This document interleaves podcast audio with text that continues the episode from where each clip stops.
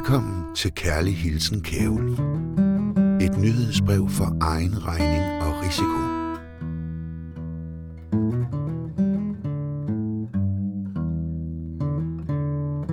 For nogle dage siden vågnede jeg op og kunne ikke længere mærke forskel på mig selv og mine kommentarer på de sociale medier. Mente jeg virkelig det, jeg sagde, eller mente han virkelig det, han sagde, da jeg argumenterede, som om jeg var konspirationsteoretiker, og var jeg nedladende, som en anden havde sagt, og var mine svar lige dumsmarte nok, var jeg snarky, som amerikanerne, der som bekendt har forkortelser for alt, siger det, eller var det de andre, der var det? Og hvorfor blev netop det der ord, snarky, siddende i mit hoved, som et urværksgentagens slag med en spids hammer? Måske er det fordi snarky lyder godt.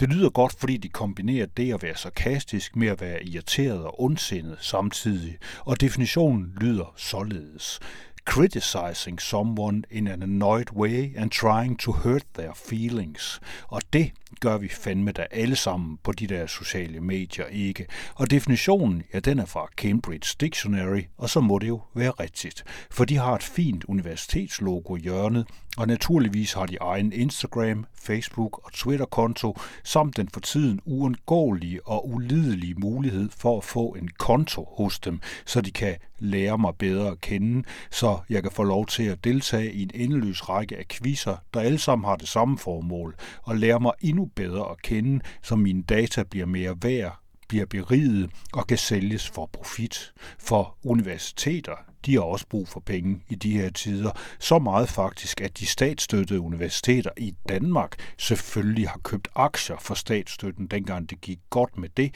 og nu mangler de 1 milliard kroner, fordi alt, hvad der var engang var institutioner og statsbetalte sikre boldværk mod tidens kapitalbevægelser, det er nu simple forretninger. De skal give overskud og effektiviseres og optimeres, og det nu svensk eget PostNord, og ja, Sverige har altså majoriteten af aktier i vores gamle postvæsen. Det er derfor bilerne og de alt for få postkasser er pripsblå nu, og ikke længere Dannebos røde og posthorns gule, og ja, de fyrer også løs i postvæsenet og smider dermed mere og mere forretningen i hovedet på GLS og UPS og hvad de nu alle sammen hedder. Dem, der laver sørgelige parodier på posthuse alle mulige steder i nedlagte hjørnebutikker, hvor der engang var en købmand eller en skomager eller noget andet gammeldags, der kan disruptes og internationaliseres. I min radio, der snakker DR's medieforskere om, at der er alt for mange dårlige nyheder – der er for meget krig i Ukraine, og der er for meget klimakrise i hele verden, og det der er, men det er der også mange detaljer i, og så flygter lytterne, for vi ved det jo godt, og vi har skam allerede været kede af det og tænkt meget på det, og så burde journalisterne jo altså sortere lidt mere i det, for det har ikke noget med os at gøre det her, siger en lærerstuderende, som studieværterne lytter andægtigt til, for det er jo stadigvæk rasende vigtigt, at vi lytter til P1. I hvert fald for de stadig færre værter og journalister, der maser sammen under et vildt ekspanderende lag af meningsløse mellemledere, medieforskere ægte medieeksperter. Og derfor er man nødt til at lave nyhederne anderledes, siger den lærerstuderende. Og så skal man have flere nære historier. Noget om inflationen, det kan vi forstå. Det med, at et æg er blevet dyrere. Men gør det os gladere, spørger jeg. I hvert fald er det ikke mere krig eller klimakrise, for det gør folk bliver så triste. Det siger de alle sammen, og det bliver jeg trist over. For indtil for nylig, der troede jeg faktisk, at virkeligheden var virkelig, og at jeg var en del af den, og at den vigtigste del af virkeligheden var den, man skulle fortælle om og tage sig af, og kære sig lidt om, og forsøge at gøre mindre vigtig, så vi kunne Ja, hvad var det egentlig, vi skulle gøre, når virkeligheden holdt op med at være et problem? I'm so close to him. He's right here. Og se, her kigger vi ned i en afgrund, i det moderne livs største spørgsmål. For hvad nu, hvis vi ikke havde nogen problemer? Hvad er det så, vi ville gøre? Vi ved det ikke, og grunden til, at der ikke er noget indlysende svar, det er naturligvis, at hvis krigen og klimakrisen, desværre mod forventning, holdt op i morgen, så vil vi få nogle nye problemer, som også vil gøre os triste og angste og få os til at knalde nogle andre skyklapper på. Og hvis nogen skulle have glemt, hvad skyklapper er, ja, så er det sådan en slags tunnel vision for heste. To sorte klapper på siden af hovedet, der sikrer, at hesten ikke ser til siderne, at den fortsætter fremad og ikke distraheres, at den trækker uden at tænke over det. Klip, klap, klip, klap, fremad. Og fremad synes stadigvæk at være alle tiders løsning. What are you doing, Mr. Fisher? I honestly don't know anymore. Således har vores allesammens DSB, der engang var de danske statsbaner, men nu også er et firma, ikke en institution, og som bare hedder DSB, de har fået den idé, at de vil digitalisere rejsekortet. Det er det rejsekort, der i forvejen er helt vanvittig digitalisering af simple, forståelige og fungerende billetter, som man vidste og kunne se, hvad kostede. Ikke bare som et kort glimt på en halv 9000 lignende blå rejsekortstander. Digitalisering, som vel rettelig må kaldes en dobbelt-digitalisering, eller hvad amerikanerne kalder for en dobbelt whammy på klassisk snakke vis, den består naturligvis og vildt sørgeligt i en app til smartphones. Apparaterne de her smartphones, som vi simpelthen forventes at måtte eje, oplade, have netadgang i og opdatere alle sammen, og som igen ejes af amerikanske tech-giganter, der har en fremragende forretning kørende på at skovle alle data op fra alt, hvad vi foretager os på vores små, lysende firkanter. This is where we're heading under electronic information conditions. Products increasingly are becoming services.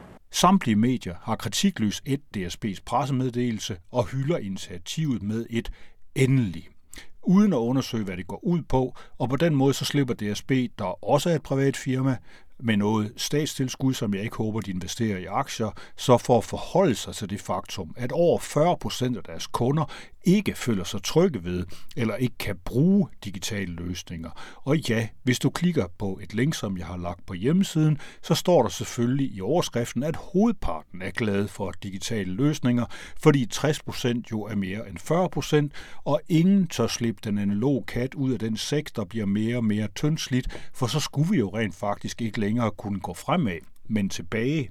Og selvom det, efter min mening, ville give fremragende mening at genindføre klippekort af rigtige billetter og konduktører i stedet for kontrollører i tog, så kan det ikke længere lade sig gøre, fordi vi definerer alle fremskridt som at bygge videre på noget, vi har gjort, uanset hvor dumt det var.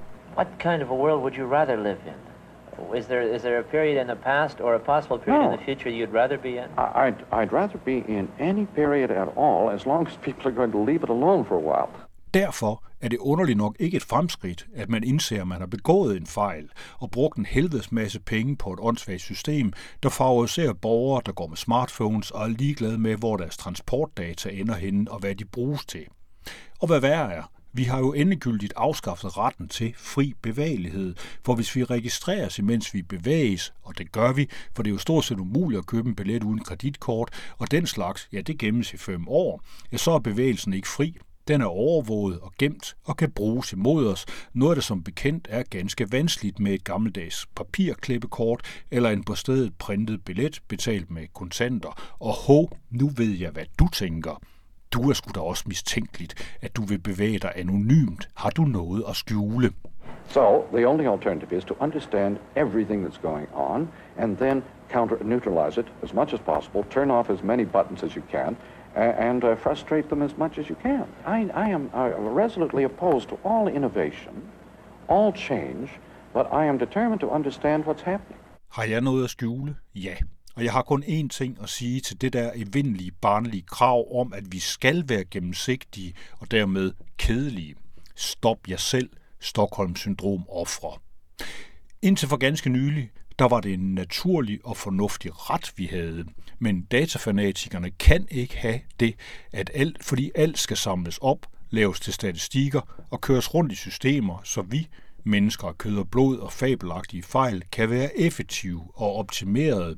Vi skal stå til regnskab for modeller og tal, og dermed bliver vi mere og mere tal selv. Og så var det, at det, der skete med mig, da jeg så kiggede på en side på Facebook og en kommentar, jeg ville til at skrive, en rigtig saftig og snarkig en, så kunne jeg mærke, at det, der er mig, sank sammen under tal, og pludselig lå og stirrede op på loftet, som fra bunden af en sø.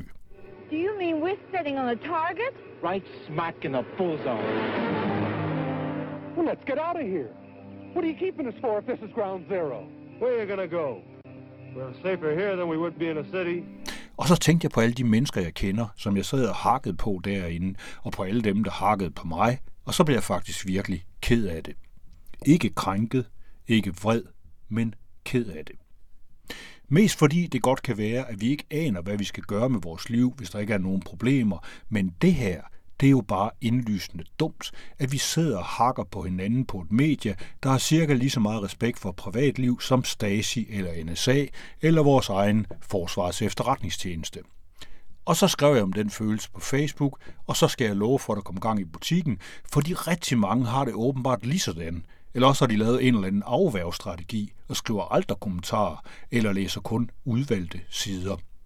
Det gælder for eksempel en Facebook-ven fra Randers, der kalder sig for Urban Giraffe. Han har kun én ven på Facebook, det er mig, og det her skriveri er til den person. Jeg ved ikke, om du er mand eller kvinde, men det her, jeg skriver fra i den nærmeste fremtid, det er altså foregår på den her hjemmeside, der hedder Min Garage, mingarage.net, mens jeg forsøger at komme til at mærke mig selv igen, og mennesker det hele taget, og det der er i den her verden, der faktisk findes, og er fyldt med langt sjovere og smukkere og mere sexintelligens end alt, hvad den der chat-GPT kan præstere. All units, all units. Situation 1310. Situation 1310. This is not a test. Condition yellow. Air raid. Air raid. Og samme dag, hvor jeg var holdt op med at deltage i diskussioner på en overvågningsplatform, der befandt jeg mig pludselig i kø hos McDonald's. Det sker ikke så tit, men jeg var på hovedbanegården, og der skal man ikke bruge den der åndssvage skærm til at bestille mad og betale på stedet. Man kan gå direkte hen til skranken og tale med et menneske, og så betale. Og så får man et nummer. Og jeg fik nummer 0. Nummer 0, sagde manden bag disken. Og så begyndte alle dem, der stod bag mig at sige, hold da op, det er da alligevel sjældent. Og jeg stemte i sådan lidt hysterisk og råbte noget med, ja, 0 det er jo ligesom uendeligt. For det er det. 0 det er både ingenting og alting på samme tid. Ægypternes symbol for 0 var NFR, og det betyder smuk og kan bruges til at indikere bunden på tegninger af grave og pyramider. 0 er en baseline, som man måler alt andet ud fra, og sådan følte jeg mig. Ikke som enten 0 eller alting, men som begge dele, og der er stor forskel, og den kan mærkes. Burgeren var dårlig. Jeg tror ikke, det gør det igen, altså stiller mig i kø der. Well, how are we going to know what's happening? They're liable to be attacking any minute. Get out of those cars! Men hvad er det så med det her billede, som jeg har klistret op i toppen af den her tekst, og som man også kan se her på podcasten? Hvorfor viser jeg et billede af Narcissus og Eko? Jo, jeg er som i gang med at læse bogen Eko af den norske journalist Lene Lindgren, og det synes jeg også, du skulle se at gøre. Den er nem at læse, selvom den er fyldt med enormt meget store tanker. For eksempel om, at konsekvensen af alle medieforskers moder, Marshall McLuhans idé om The Medium is the Message, er, at moderne mennesker selv bliver til medier. At vi i virkeligheden er en slags film, der så udkommer i en verden af algoritmer, der styres af folk som Peter Thiel. Det er der, vi er nu presset ind i matematik, der lader som om den er objektiv, mens den styrer os et bestemt sted hen, som regel hen imod vores kreditkort og kontoer og betalinger for services, vi ikke aner, vi har brug for, men som ser godt ud på det der Instagram, der synes vigtigere at se godt ud på, end for de mennesker, der sidder ved siden af os og kigger ned i deres skærm. 1310. Situation red. All highways out of population centers to be cleared for evacuation Operation Scatter. All officers have full authority to deal with local problems. Did you hear that? They're evacuating the city. That's right. That's why I stopped you. And you're gonna stay here. En central del af det, som hun beskæftiger sig med i bogen Eko, det er det såkaldte mimetiske begær. Et begreb skabt af den franske filosof René Girard, som Peter Thiel, som er manden bag blandt andet Palantir, der bruges af politi og efterretningstjenester verden over, er elev af. Jeg citerer. Sociale medier er som skabt ud fra mimetiske principper. En ramme for netop mit begær, hvor alle samtidig kan se hinanden som imitatorer og modeller. Desuden er alle udrustet med en mimetisk værktøjskasse, deling, reposting, retweeting, som kan distribuere synlighed. Derfor er det ikke tilfældigt, at Facebook, Instagram, Twitter og Snapchat bruger variationer af den samme designidé. Den forstærker de specifikke mimetiske kræfter, idoldyrkelse, rivalisering, gruppesuggestion. Now, uh, this, uh, many people seem to think that if you talk about something recent, you're in favor of it. Uh, the exact opposite is true in my case. Anything I talk about is almost certainly to be something I'm resolutely against. I den mimetiske filosofi, der er vi meget lidt anderledes i forhold til hinanden. Ingen er noget særligt, men alligevel så konkurrerer vi mod hinanden for at opnå en form for overtag. I naturen, den vi har travlt med at smadre til ukendelighed for at få plads til biler og serverparker, der gemmer dyr sig ved at kamuflere sig som andre arter. Måske var det det, jeg var kommet til at gøre. Gemme mig som mig selv. You're not going anyplace. What's the matter? Can't you hear? I said you're not going anywhere. Look, man, if the world's coming to an end and me and my chick one ended standing in front of a bar, that's none of your business. Og nu må det være nok for denne gang. Der kommer meget mere her på siden, den her hjemmeside, som hedder mingarage.net, som er mit simulakrum. Der kommer mere om den der bog, det kan jeg godt garantere, og det er helt uden at være snarky. Og indtil da, der er der kun én ting at sige. Kærlig hilsen, Kjærulv. Thomas? You seem particularly triggered right now. Can you tell me what happened? I've had dreams that weren't just dreams.